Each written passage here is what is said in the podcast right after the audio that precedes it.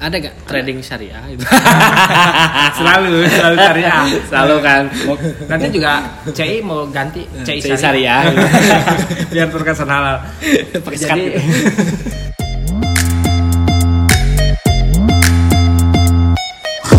Asik-asik, kita bertemu lagi di Barangan Podcast. Pasti ada yang terbaru nih. Selamat mendengarkan.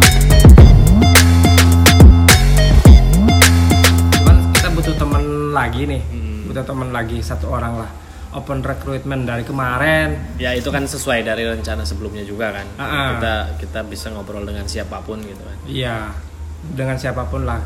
Saya pengen ngobrol sama teman-teman yang yang mau podcast ya mangga gitu. Kita ngobrol-ngobrol di sini asal sambil- jangan dakwah deh. Banyak tuh kalau dakwah. Saya juga bisa. Nah eh, kemarin ketemu beberapa teman juga yang domisili di Cibin dan sekarang juga saya ketemu teman lagi nih. Se sepengajian. Sepengajian. Sepengajian lingkungan Padang standar juga dan lingkungan eh, Kaler ya. Siapa men? Kenalin. Kenalin.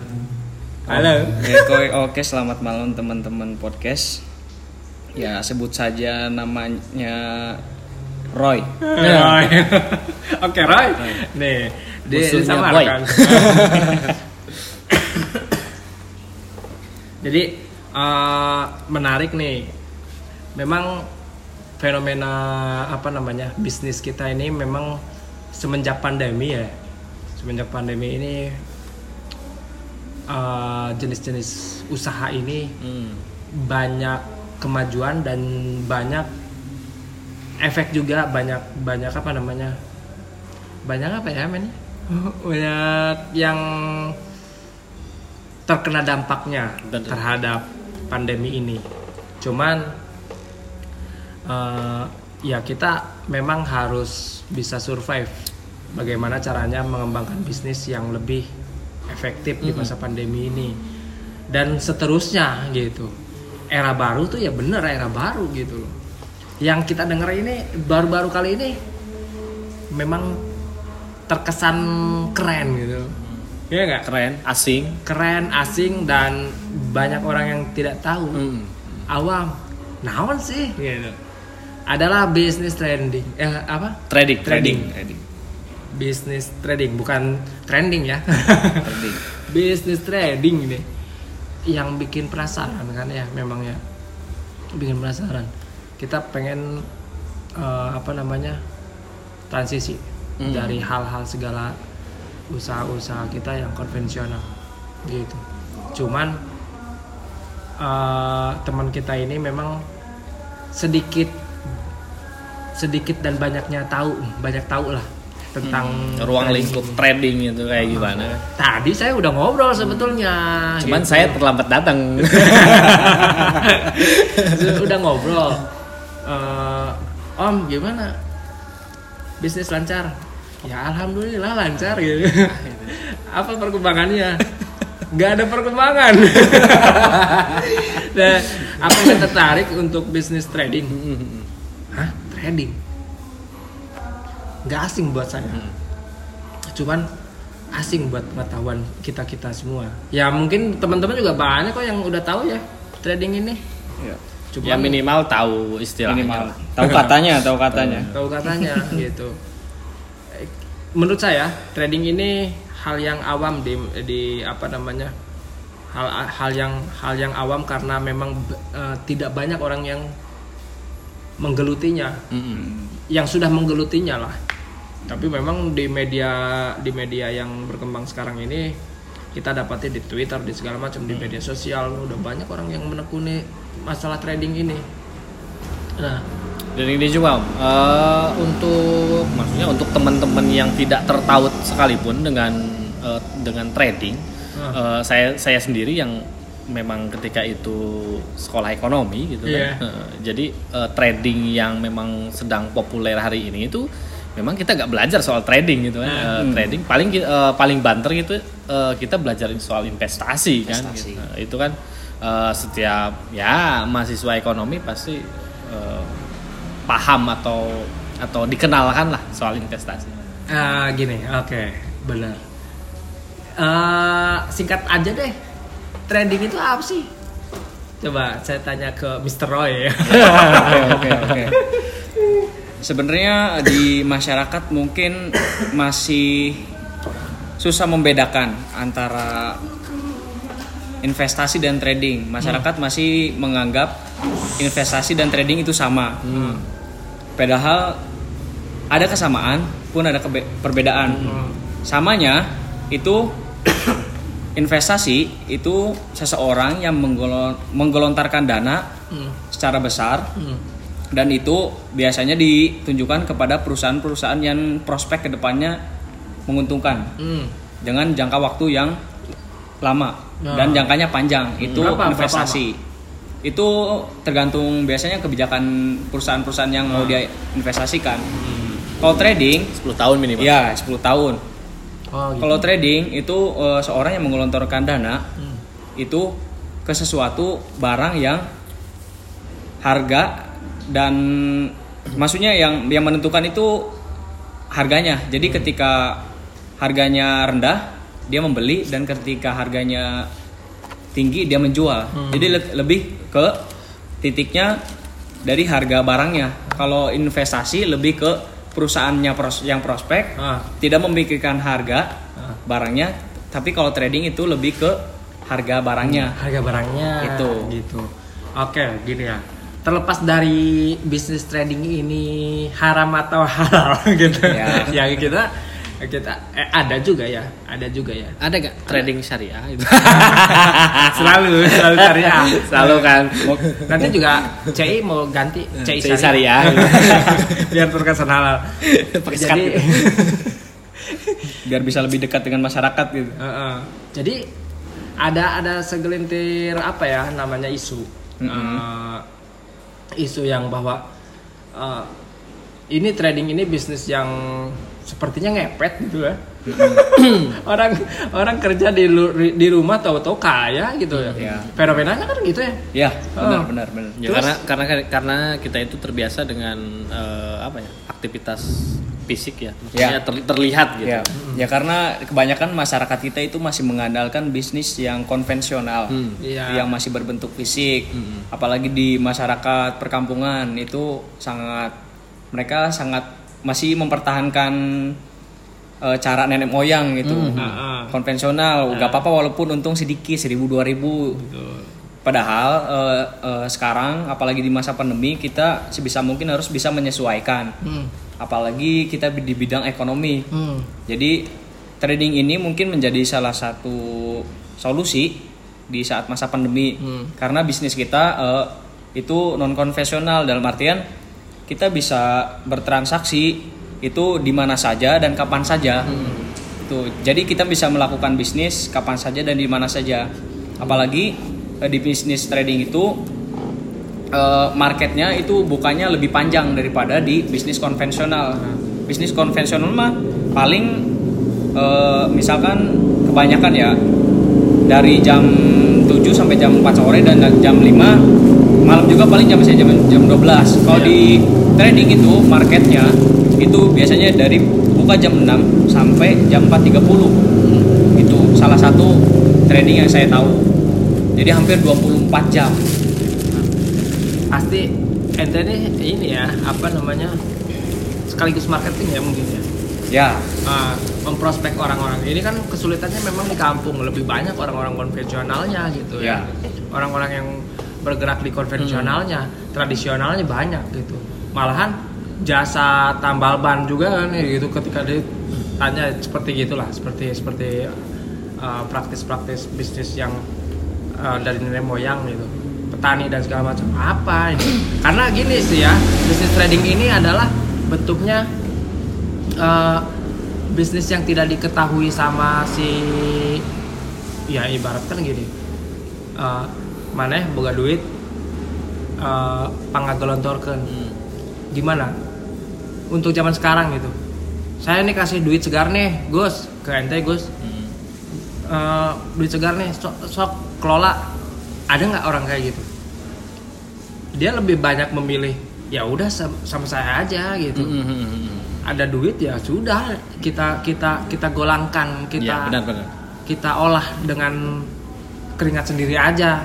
Toh untung ruginya kita tahu gitu. Ini kan eh, spekulasi banget ketika punya duit punya modal digelontorkan sama ini sama sama broker gitu Jangankan eh, dengan istilah investasi atau trading ya, Mm-mm. bahkan ketika mereka masyarakat ya masyarakat di di pedesaan lah itu. Mm. mereka belum belum tahu padahal mereka sudah mulai mengakses eh, fasilitas apa, apa Fasilitas. fasilitas dari perbankan tapi soal deposito sekalipun mereka belum paham gitu benar padahal itu ya birokrasi depos- perbankan juga mereka belum paham. Belum, belum. tahu ini kayaknya terlalu cepat sih untuk di Indonesia Ya. bisnis trading ini. Ya walaupun memang kita memang butuh perubahan yang bisa menerima adalah adalah kaum milenial Ya. gitu ya. Eh, untuk angka ya mungkin masih bisa dikejar lah ya. Fantastis atau tidak fantastis itu relatif ya angkanya tersebut. Cuman masih bisa diusahakan. Nah yang sulitnya ini adalah mempercayakan atau mencitrakan bahwa trading ini adalah bisnis yang menggiurkan atau edukasinya ya. Uh, edukasinya. Karena gini ya sempat kita juga punya pengalaman lah yang namanya uh, jasa kan ya masuknya ya? Iya. kayak gitu tuh. Kayak kita model arisan. Banyak penyelewengan leasing. Udah banyak penyelewengan. Ya nggak? udah benar benar benar benar MLM MLM lebih eh, menyeleweng dan nggak masuk akal. Iya. Eh, sebetulnya gini ya, takutnya memang eh, orang-orang trading ini adalah dia berevolusi menjadi eh, wah kita ganti aja istilah MLM ini udah citranya udah udah jelek. Mm-mm. Ya sudah kita eh, berevolusi aja menjadi bisnis trading. Eh, kita yang yang bersuuzon, bersuuzon lebih, ya memang takutnya si bisnis MLM ini ber bermutasi ke apa namanya ke hal itu ke hal trading gitu. Makanya eh, takutnya memang dimanfaatkan. Ya dari dulu dia ada, ada namanya langit biru kalau salah langit biru itu yang mana ya?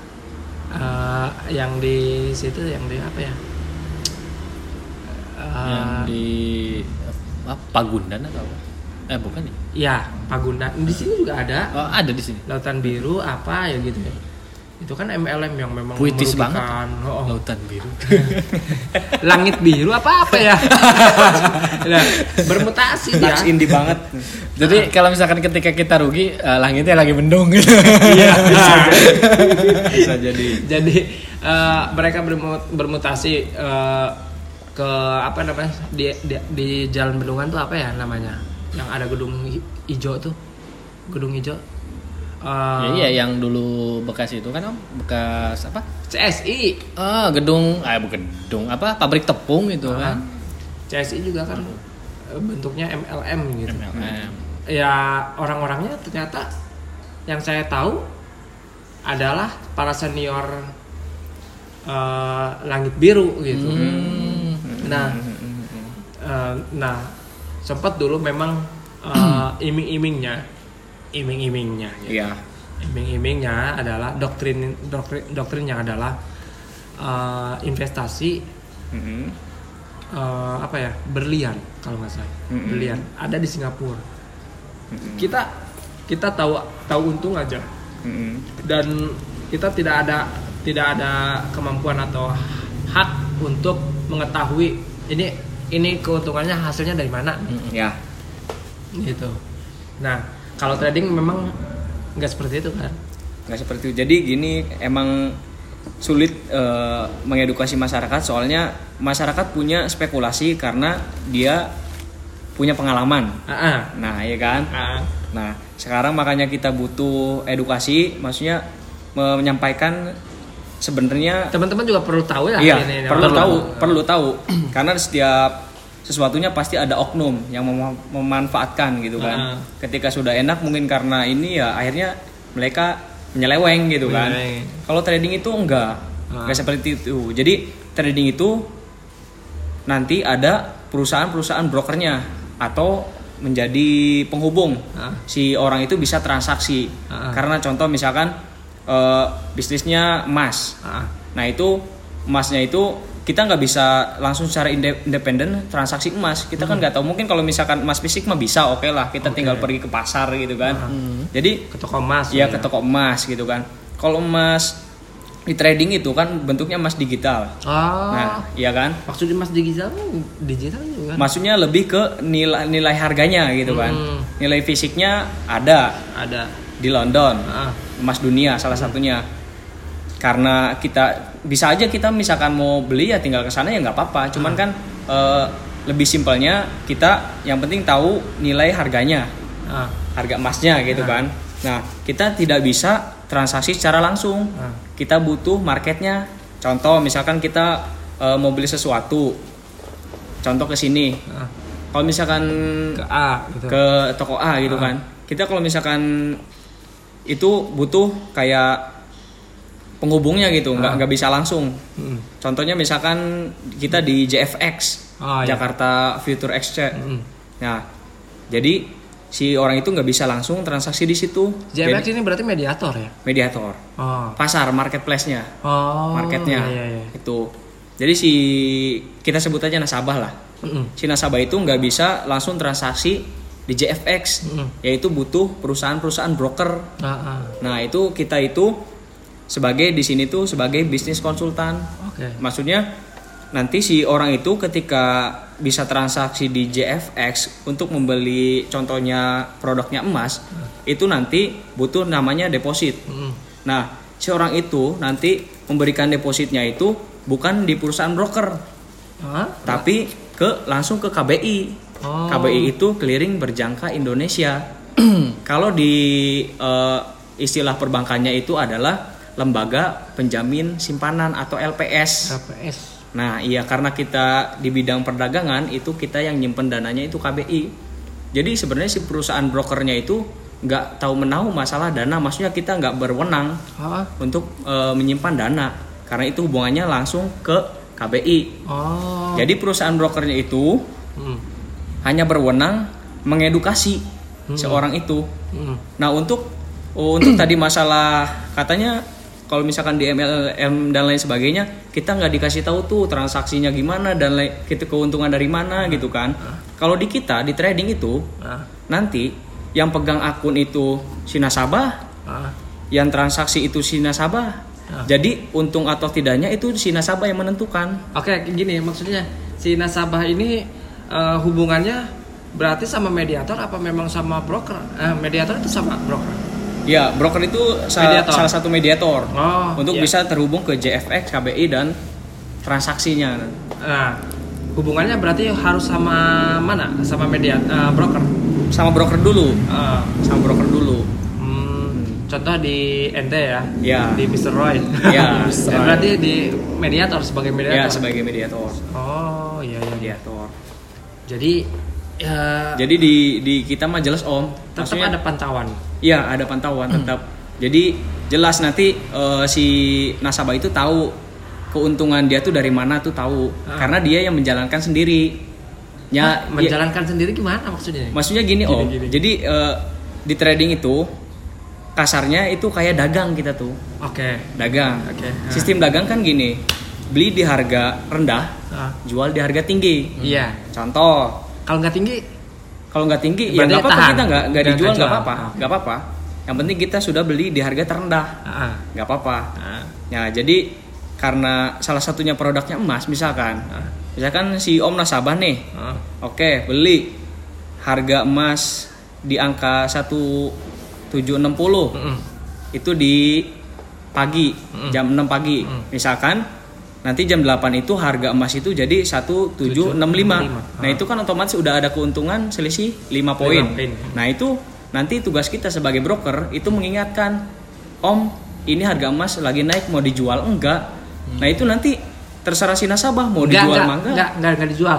Nggak dijual ya nggak apa-apa. Nggak apa-apa. Eh, belum Itu ya, belum. barang- buat buat mas kawin Enggak, barangkali nunggu sampai 10 poin juga Iya, nggak apa-apa. iya. Barangkali. Jadi si Kayak nasabah udah punya akun aja. jadi si nasabah itu kita ya bebas gitu. Yang menentukan untung atau tidak si nasabah. Ah. Jadi mereka juga tahu keuntungan dari mana. Jadi mereka jelas. Jadi mereka dikasih kewenangan terserah. Pun nanti setelah mendapatkan profit, nasabah mau narik semua depositnya nggak apa-apa. Mau disimpan juga nggak apa-apa. ya Terserah nasabah. Jadi kita tugas kita hanya sebagai edukasi, edukator gitu tuh. ada juga gini ya ya sifatnya memang eh, kalau kita menemukan nasabah contohnya Mhm. ya kalau saya tertarik boleh dong untuk eh, memprospek teman kita juga gitu Mm. ya kan mengajak teman-teman kita juga ada juga orang-orang yang memang eh, contoh memang kelebihan duit ya Iya. kelebihan duit ya orang-orang dermawan maksudnya Iya. orang-orang dermawan Eh, dulu saya pernah punya pengalaman eh, nyari modal susah banget ketika ketemu orang itu ternyata memang dengan sukarelawan nih, butuh modal berapa lu kasih modal ternyata memang tidak ada laporan sama sekali dia no problem gitu Mm. Eh, eh, I'm fine gitu dengan Ya. usaha-usahanya. Nah, kalau dikumpulin gitu ternyata memang jaraknya sesuai dengan perjanjiannya memang 10 tahun. Iya. Nggak diambil-ambil padahal sudah dikabari sama beberapa pemegang akun, pemegang akun. Eh, om ini eh, ketika ada kenaikan ya. Iya. Ada berita kenaikan. Om ini mau dijual apa apa enggak? Ternyata memang not not not not not, not respon gitu. Iya. Not respon. Akhirnya sampai menumpuk sampai 10 tahun Iya. ternyata di sana ada penumpukan gitu Mm-mm. laporan sampai 10 tahun ada. Mm-mm. ada tetap ada nggak? Jadi bisa dicairkan apa memang terbatas atau emang hangus? Jadi di kalau di kita nggak nggak ada nggak ada hangus? nggak ada batas maksudnya ada batas. ketika si apa nasabah itu tidak ngambil ya terus. Oh terus? Masih di situ. Masih dananya itu. Jadi kita sekali lagi perusahaan broker itu hanya berkewajiban hanya sebagai edukator Ah, ngasih edukasi karena kita itu juga ada pedoman. Jadi kita eh, tahu kapan harga emas mau naik kapan harga emas mau turun. Oh gitu. ya udah ada kisi-kisi? Ya jadi oh berarti broker ya yang yang pegang kendali soal itu. Kan kalau misalkan dalam investasi itu kan ada yang namanya Grafik. studi studi kelayakan investasi gitu kan. Nah, ada beberapa metode lah. Di di, di Iya. situ kan ada eh, net present value, Iya. ada apa ya eh, pay, payback period, kemudian IRR gitu Iya. kan. Nah eh, misalkan eh, kita tertarik nih, kita tertarik untuk main di trading gitu kan. Eh, itu kan sebenarnya analisis-analisis untuk main di investasi itu kan eh, kita bisa bisa menempuh studi kelayakan itu kan. Nah kalau misalkan kita mau mau main di trading itu sebenarnya ad- ada nggak sih analisis yang memang eh, menguatkan bahwa ternyata trading itu lebih lebih apa ya eh, lebih menguntungkan lah gitu kalau misalkan kita mau mau bermain di situ gitu analisis analisis resikonya gitu kan. gini aja deh eh, eh, broker ini banyak kan jenisnya ya banyak banyak banyak maksudnya kompetitor banyak kan banyak kompetitor banyak jadi kan trading juga kan banyak jenisnya Om. banyak jenisnya Mm-mm. Nah, ka- kalau kalau memang banyak jenisnya, gitu, eh, gimana ya? Eh, kalau banyak jenisnya, mungkin eh, harga emasnya memang tepuk rata. gimana Kalau kalau memang dia si broker ini adalah Iya. eh, bergerak di emas ya. Ada Iya. juga kompetitor yang bergerak di emas. Itu Iya. harga sama tetap. sama harganya Oh, sama harganya karena eh, karena kita megangnya produknya emas mm. Itu salah satunya namanya Loco Gold itu salah satu emas dunia ketika broker lain juga itu sama harganya sama Hmm. broker broker broker lain. Terus apa tadi men? Ya, analisis resiko lah Analisis ya. resiko. untuk untuk ah, investasi kan jelas gitu Iya. ada hitungan matematis untuk eh, kita ambil investasi di salah satu perusahaan tertentu atau eh, atau apalah kita. Ka- itu kan sebagai alat pengambilan keputusan kan gitu kan. Heeh. kita mau investasi di situ atau tidak itu bisa dihitung secara matematis. Nah apakah di di trading itu ada ada semacam itu gitu untuk untuk si pengguna itu atau si calon pemain itu Konsumen, untuk eh, untuk nasabah. meyakinkan dirinya sendiri misalkan oh ternyata lebih lebih lebih prospek nih kalau misalkan kita main trading gitu kan. Ya tadi kan di di awal juga kalau investasi mah lebih ke jangka panjangnya Ya, mungkin ha. salah satu keuntungannya trading itu kita bisa menghasilkan sesuatu yang banyak dalam waktu yang singkat gitu. Hmm. Dalam artian eh, pun eh, si dananya itu bisa kita tarik kapan saja. Kalau di perusahaan saya gitu kan, nggak tahu kalau di perusahaan lain itu kan. Ah, ah. Ini saya bilang aja kan, Ah, masih oke. sebagai ya, Pandangan aja. Pandangan aja gitu kan. Nah, terus kenapa kita tadi saya sampaikan bahwasanya di perusahaan kita broker itu kita tahu maksudnya ada pedomannya gitu kan. Kapan harga naik, ah, kapan harga emas itu naik dan kapan harga emas itu turun. Karena kita juga nggak bi nggak berani gitu kan buka jasa seperti ini ke nasabah sedangkan kita juga ma- mainnya masih spekulasi. Itu nggak bisa. Eh, iya. nggak berani. Jangankan kita nawarin ke orang, kitanya aja ketika main tuh nggak berani. Soalnya ya apalagi di dunia yang digital seperti Maksudnya ini. kita main kan nggak berani. Kenapa? Mas, maksudnya Ah, kalau misalkan kita jadi nasabah, ah, ah. itu otomatis kita juga gak bakal tertarik gitu loh. Soalnya mana sih pedomannya hanya sebagai spekulasi, hanya omongan kayak gitu, nggak nggak nggak berbasis data gitu loh. Ya. Kita Hanya ada risiko risiko. Iya risiko risiko kayak- kayak gitu. Nah, Berarti eh, tugas dari broker itu sekal- se- sekaligus juga sebagai analis ya. Iya. Analis dari Secara naik dan besar ya turunnya harga. edukasi lah gitu Nah, ke nasabah itu gitu kan. yang yang no- notip lah, notip untuk Iya. eh, ketika harga emas lagi bagus gitu kan. Iya. Menginformasikan. Makanya kan ada ada tawaran-tawaran tertentu. Mas Toya, eh Mas Toya. Dari Om jadi Mas itu. tabu banget ya saya kayak gini ya kalau di kampung ya Tabu. resiko banget kita Iya. di- dianggap ngepet kayaknya Tabu iya. Dan pengalaman sendiri kan teman-teman di Jogja ketika itu memang sekitar tahun 2017-an Iya. Eh, teman-teman udah main trading gitu kan. Ya eh, untuk lingkungan teman-teman yang memang kebetulan ketika nongkrong di kantin atau di mana pun gitu kan. eh, mereka pembahasannya ya ke arah itu trading, trading, trading. Cuman eh, ketika itu saya nggak paham dan nggak cari tahu gitu Iya. kan. nggak punya modal Salah satunya itu salah juga. satunya paling penting itu karena memang mainnya kan mereka digital gitu Oke. main-mainnya digital virtual gitu kan sementara saya eh, datang dari eh, sub dari subkultur yang kesekian gitu kan. Nggak terlalu nggak terlalu paham gitu kan. Jangankan untuk soal trading gitu kan untuk satu minggu ke depan setelah pengiriman uang saku dari Bestel orang tua lah. juga kan Iya. susah gitu kan boro-boro trading gitu kan. Eh, jadi udah berkembang sejak lama sih sebenarnya. Cuman mungkin kalau misalkan Segitu hari ini ya? hmm, hari ini udah masuk ke eh, ya ruang lingkup kabupaten lah Cirebon Cirebon Maj- eh, Majalengka dan Kuningan itu kan memang kayaknya harus lebih lebih apa lagi lebih lebih kuat lagi lah eh, untuk meyakinkan bahwa trading trading itu punya eh, punya punya kesempatan yang yang Menjanjikan. luas eh. Hmm.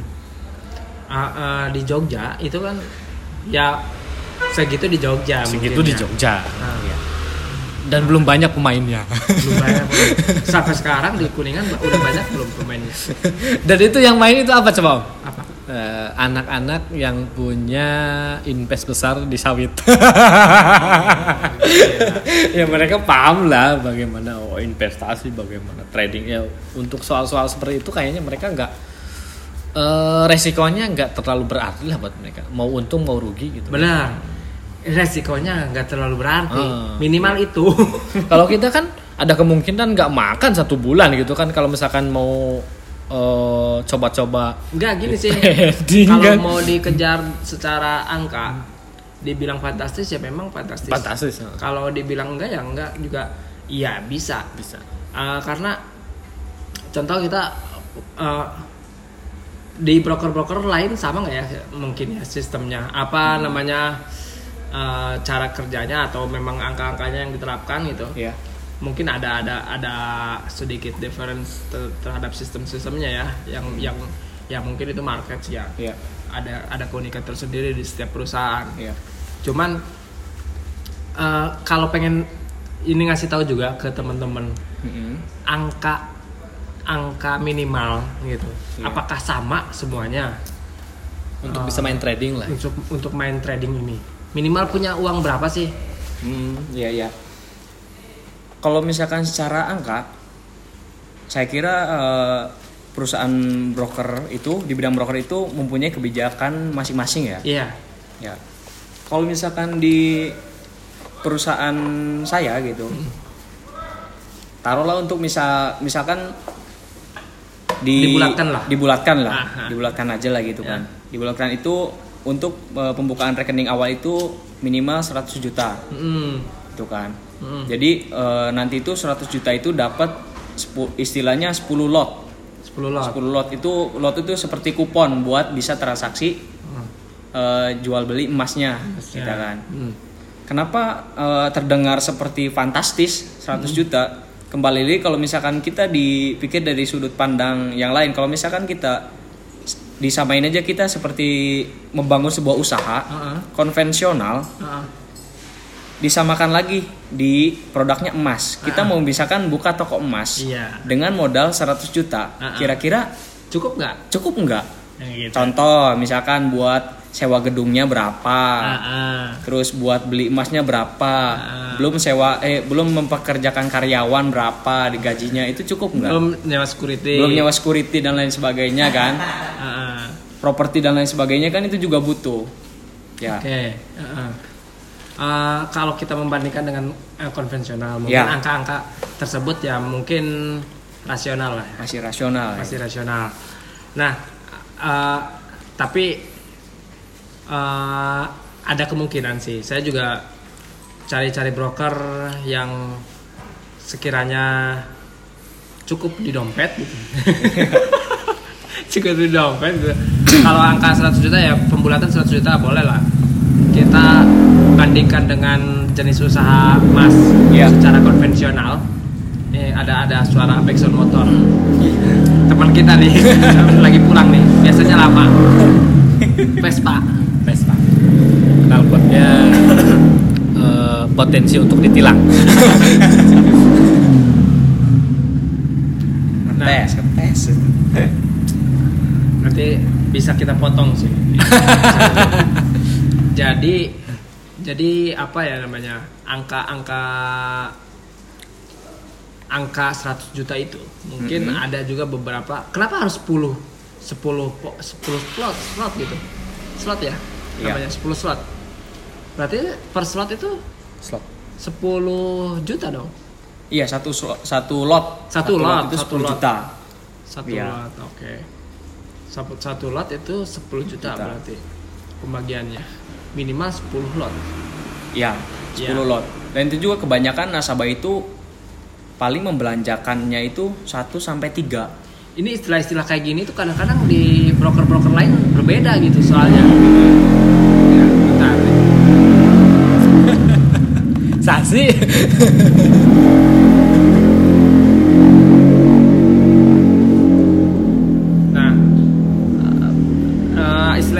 Kadang-kadang nggak nggak bisa disamakan gitu Iya. dengan dengan apa ya namanya dengan broker satu dan broker dua gitu Iya. kalau di perbankan memang kan sudah jelas gitu ya sudah jelas bahwa eh, nasabah istilah-istilahnya sudah sama gitu Iya. kita memang harus apa ya namanya uh, penyesuaian lagi gitu terhadap istilah-istilah baru nih awam semua dari setiap istilah gitu apa yang namanya ada nggak di manajemen akuntansi tentang materi ini materi apa ya namanya uh, investasi seperti ini. Eh, kalau misalkan untuk formalis di dunia pendidikan kayaknya belum deh tapi kalau misalkan dari teknis eh, aplikatifnya mungkin ya dari situ-situ juga cuman ada sedikit perbedaan aja gitu kan. Eh, kayak semacam kita deposito aja kan ada ketentuan kan? Ketentuan misalkan kita deposit eh, 10 juta per sekian tahun gitu kan? Kita Ah. kita tahu. Kita tahu bahwa eh, payback periodnya itu sudah sudah ada ketentuan dari perbankan gitu. Eh, penguat dari dari apa ya, uang yang kita gelontorkan itu sudah eh, ada kepastian lah gitu kan. Minimal 10 juta 10 persen atau eh, berapa persen itu kan keuntungannya sudah sudah jelas gitu nah ada kepastian nggak sih Gimana? Ada kepastian nggak sih kalau estimasi dari dari satu tahun itu kira-kira berapa? Ada ada nggak? Jadi gini nih, kalau Nah, misalkan misalkan kita eh, tadi ya minimal 100 juta. Karena gini ya tantangannya. Karena Iya. kalau kalau bagi pengusaha, gitu, Mm-mm. bagi pengusaha ketika punya dana 100 juta, Iya. dia punya ekspektasi Mm-mm. minimal. Iya. Ketika 100 juta mau dagang apa nih? Ah, dagang bawang. Nanti dihasilkan satu tahun itu untuk biaya ini dan segala macam lebih matang justru. Lebih matang dalam artian karena dia punya apa namanya biaya-biaya ter- terduga atau biaya-biaya kebutuhan Iya. kayak kontrakan dan segala macam. Iya. Eh, apa namanya? Beli MacBook. beli MacBook. nah, itu segala macam lah ya di, diuntungkan. Eh, dalam arti ketika kita kalau kalau dibandingkan dengan investasi ini trading itu Iya. harusnya ada ada jaminan minimal gitu. Oke. Minimal gitu kan. Oh, Oke. iya ya, ngapain saya bisnis konvensional? Capek-capek gitu. Sama aja dengan minimal sama gitu Iya. dengan konvensional gitu minimal gitu cuman berapa persen gitu nah kalau jaminan untuk trading ini kira-kira berapa persen ya? Di, dipertebal sedikit ya. Hah? Eh, dipertebal sedikit eh, eh, untuk untuk bicara netral bukan sebagai Roy atau yang yang bergelut di dunia trading gitu kan. Siap. Eh, kalau misalkan kita dihadapkan dua pilihan ya, eh, antara investasi dan trading, sebenarnya kita harusnya pilih yang mana sih? gitu. Kita kan awam gitu, ya investasi tahu tapi nggak pernah melakukan, Iya. apalagi trading gitu, trading lebih asing dan ya tidak dilakukan juga, Nah, Iya. lebih baik mana gitu? Menurut saya kalau misalkan netral ya, Mm-mm. saya lebih tertarik trading. Oke. Karena eh, bukan karena yang tadi bidang trading ya? Bukan, Ah, bukan. Karena eh, tadi yang saya sampaikan juga trading itu eh, bisnis yang menguntungkan tapi jangka pendek. Maksudnya kita bisa merasakan keuntungannya eh, secara lebih cepat daripada investasi. Investasi itu kan ada jangka waktunya 10 tahun, bukan? Terus kan investasi juga eh, dia menitik beratkannya ke emang perusahaan yang prospek ke depan. Kalau kita lebih ke main eh, harga barangnya sedang tinggi atau rendah itu. Ketika prinsip di trading itu ketika harga rendah kita beli, ketika harga tinggi kita jual. Otomatis kita langsung mendapatkan keuntungan kan dari situ. Jadi menurut kalau menurut saya mah lebih mending trading. Seperti itu. nah ah, gini eh, orang marketing nah di setiap eh, marketing punya trik dan jurus gitu kita nggak bisa nggak bisa nggak bisa ter- udah udah paham lah ya tentang iya. trading ini sedikitnya minimal teman-teman juga udah paham. Cuman eh, saya pengen memetik eh, apa namanya bisnis trading ini untuk teman-teman sejawat teman-teman teman-teman saya lah di lingkungan lingkungan bahwa trading ini menjanjikan. Triknya minimal gitu. Eh yang diajak apa dulu gitu? Yang diajak apa dulu? Apa kita ngasih edukasi dulu? Apa memang langsung aja Trading itu punya segmentasi pasar nggak sih? Maksudnya eh, yang kayak ya ini diperuntukkan untuk bisnis kelas anu gitu atau eh, kayak semacam Om Toya gitu atau atau lebih membumi gitu. Enggak sih sebenarnya eh, ketika orang tersebut punya tersebut angka. punya angka gitu kan siapa aja bisa bergabung gitu kan. Jadi kita makanya keba- kebanyakan eh, nasabah kita juga nggak nggak nggak maksudnya nggak dari orang-orang tinggi pisan gitu tuh. Jadi orang-orang yang emang dia jiwa bisnis gitu kan. Malah sampai ada eh, nasabahnya leader saya itu dia tadinya di forex. Terus di karena dia rugi dia waktu itu emang cuman megang ya dibulatkan 100 juta. Dia setelah itu dia memikir mau mau jadi gembel mau jadi apa saya saya udah saya masukin aja. Saya gabung saya join. Bahkan dia kan ketika 100 juta itu kan dia punya 10 lot. Dia transaksikan semua padahal kita juga sebagai broker itu kan menyarankan Pak bener tah mau ditransaksikan semua? Itu kan. Dia nekat padahal di kita itu kebanyakan di angka 100 juta itu paling tinggi juga 3 lot untuk ditransaksikan. Tapi dia nekat dia transaksikan semua 10 lot. Tapi alhamdulillahnya karena emang salah satunya juga mungkin emang Tuhan belum takdirkan dia buat miskin, dia malah untung 100%. Mm. Seperti itu. Nah, Padahal keputusannya frustasi itu. Tadinya. eh, eh, apa namanya? Kita kan punya punya memang punya teknik-teknik jurus jurus dah, jurus ke mempres eh, mempresentasi apa ya? Presentasi, presentasi terhadap teman gitu. Lu daripada beli mobil, yang second juga cukup gitu. Mendingan investasi. Eh apa namanya? Trading, bisnis trading. ya.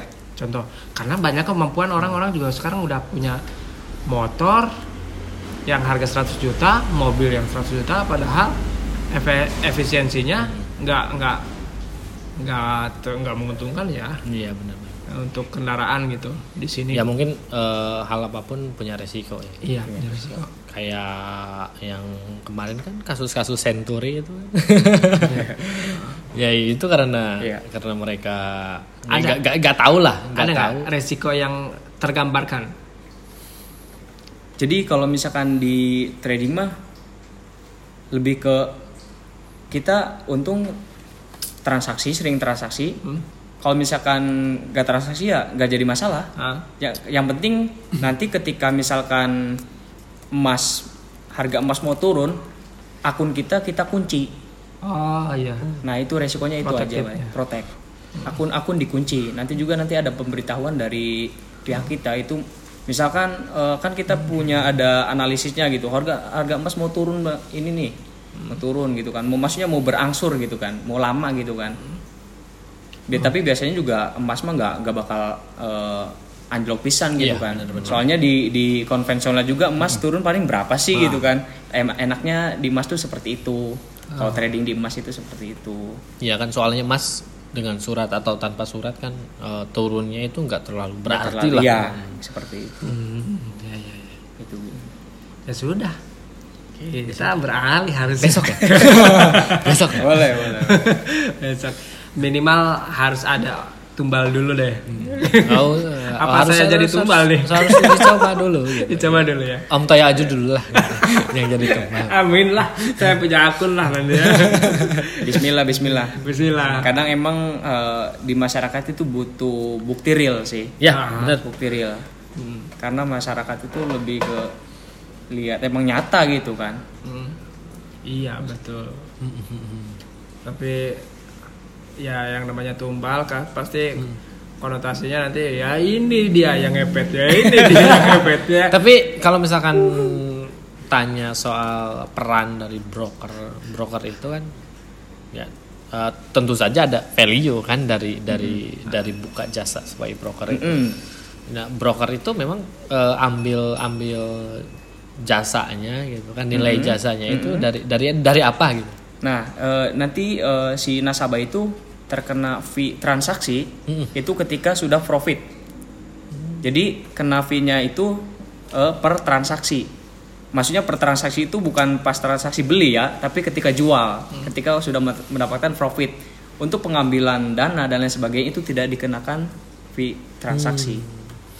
Ini sih lu siap kaya tapi nggak siap bayar pajak. itu doang sih. Ya terasa terasa gimana ya? Administrasinya ini nih yang yang memang bisa eh, ngagetin gitu karena memang tidak ada dasar apa? Tidak ada dasar ketentuan. Iya. Dasar ketentuan pasti gitu Iya. sekarang perpajakan di Indonesia menurut saya ya memang terasa terasa janggal Janggal. untuk menghitung kekayaan, Iya. menghitung apa namanya hasil usaha gitu, terasa janggal. Eh, siapa tahu itu warisan nenek moyang dan segala macam masih aja dihitung, bukan dari bentuk usahanya. Iya. gitu kan? Kadang-kadang seperti itu gitu. Makanya ketika kita beranjak kaya gitu ah, grafiknya naik dan segala macam kehidupannya meningkat kita disiapkan dengan tagihan pajak yang meningkat. Betul. Ya udah deh nanti kalau misalkan teman-teman tertarik untuk main di trading, hubungi eh, saya hubungi saya. Siapa tahu ada. eh. Nah, Udah gitu. eh, nanti lihat aja perkembangan kita yang meningkat ya. kita nggak bakal podcast lagi mungkin. Buang-buang Ki. waktu. Kita nggak ngepet kok. Oke. teluh aja teluh. Oke, oke, makasih deh ini waktunya ya. Siap. Eh, ilmunya semoga bermanfaat buat kita dan Ya. apa ya namanya perekonomian kita ini memang di generasi kita memang butuh butuh peningkatan, butuh Pembaruan. pembaruan, Pembaruan. permajaan dan segala macam lah. Banyak juga yang yang yang pengen tahu tentang trading ini. Trading. Salah satunya, minimal salah satunya gitu. Eh, apa namanya emas digital. Oh, Oh, iya, ya kan? Harus ada keterangan dari expertise lah. Iya, betul. Bukan hanya sebatas pemain kan. Kalau pemain kan nggak nggak tahu sampai akar gitu. Ha-ha. Hanya sebatas tahu dia dapat keuntungan loh. Oke, makasih. Jadi gila. Siap. Jadi gila